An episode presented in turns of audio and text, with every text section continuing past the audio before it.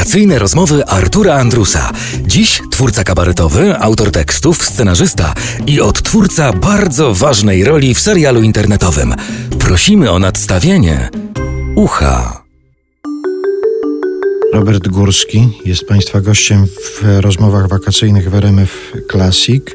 Teraz przejdźmy do Twoich aktualnych zajęć. Wspomnieliśmy o tym i to pewnie wszyscy wiedzą, że chyba najczęściej poruszanym tematem teraz w rozmowach z Tobą jest słynny, bardzo popularny serial Ucho Prezesa. Ale czy tak ludzie poza takimi oficjalnymi sytuacjami, w prywatnych, na ulicy, mhm. w związku z tym serialem zaczęli cię traktować jako specjalistę od polityki, że cię zaczynają pytać na przykład, panie, co z tym Kim Jong-unem, jak to będzie? O Kim Jong-una mnie nie pytają, ale pytają mnie, czy coś wiem o stanie zdrowia prezesa. Planujemy czwarty sezon, prawdopodobnie ostatni.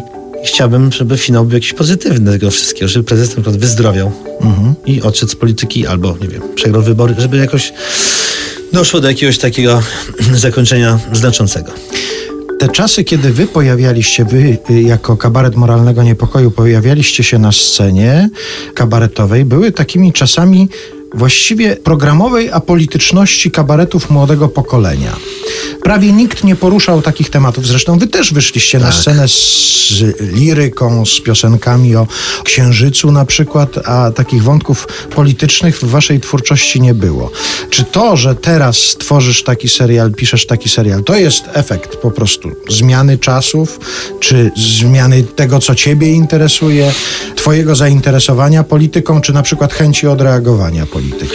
Ja zająłem się kabaretem w, w dużej mierze y, oglądając występy Laskowika, który był bardzo mocno zaangażowany w politykę, czy to była taka solidarność na wesoło? I rzeczywiście w pewnym momencie, kiedy zaczynałem sobie publiczne występy, polski kabaret, którego symbolem był wtedy kabaret potem programowo rzeczywiście odchodził od polityki, czy chcieliśmy w końcu zobaczyć, jak to się mówi, y, wiosną wiosnę, a nie Polskę, tak? Mhm to było naturalne, bardzo mi się to podobało, a jednocześnie zawsze miałem w sobie jakiś taki temperament e, polityczny czy komentatora i zawsze miałem w tyle głowy, tak jak z tyłu sklepu, tego Laskowika, że jednak jest ten świat nieprzedstawiony jak u Kornhausera. Jednak ten kabaret to trochę za mało, żeby się bawić tymi bajkami dla dzieci, czy je trochę tam przerabiać, znaczy, że to jednak coś więcej, że kabaret pełni jakąś rolę, no już Stańczyka to za dużo powiedziane, ale powinien być w moim mniemaniu jednak e, komentatorem rzeczywistości wyrażać jakieś zbiorowe nastroje. To taki naturalny etap ewolucji. Zauważyłem, że człowiek po jakimś czasie, kiedy traktuje kabaret jak zabawę, chce potem mieć wpływ na rzeczywistość i próbuje, żeby tak się stało. Potem staje się rozgoryczonym, takim starym frustratem, który już nie owija w bawełnę, tylko wali kijem. Nie mogą się pogodzić z tym, że jego słowa nie mają takiej sprawczej mocy. I zbliżasz się do takiego etapu? Coś takiego u siebie zauważasz?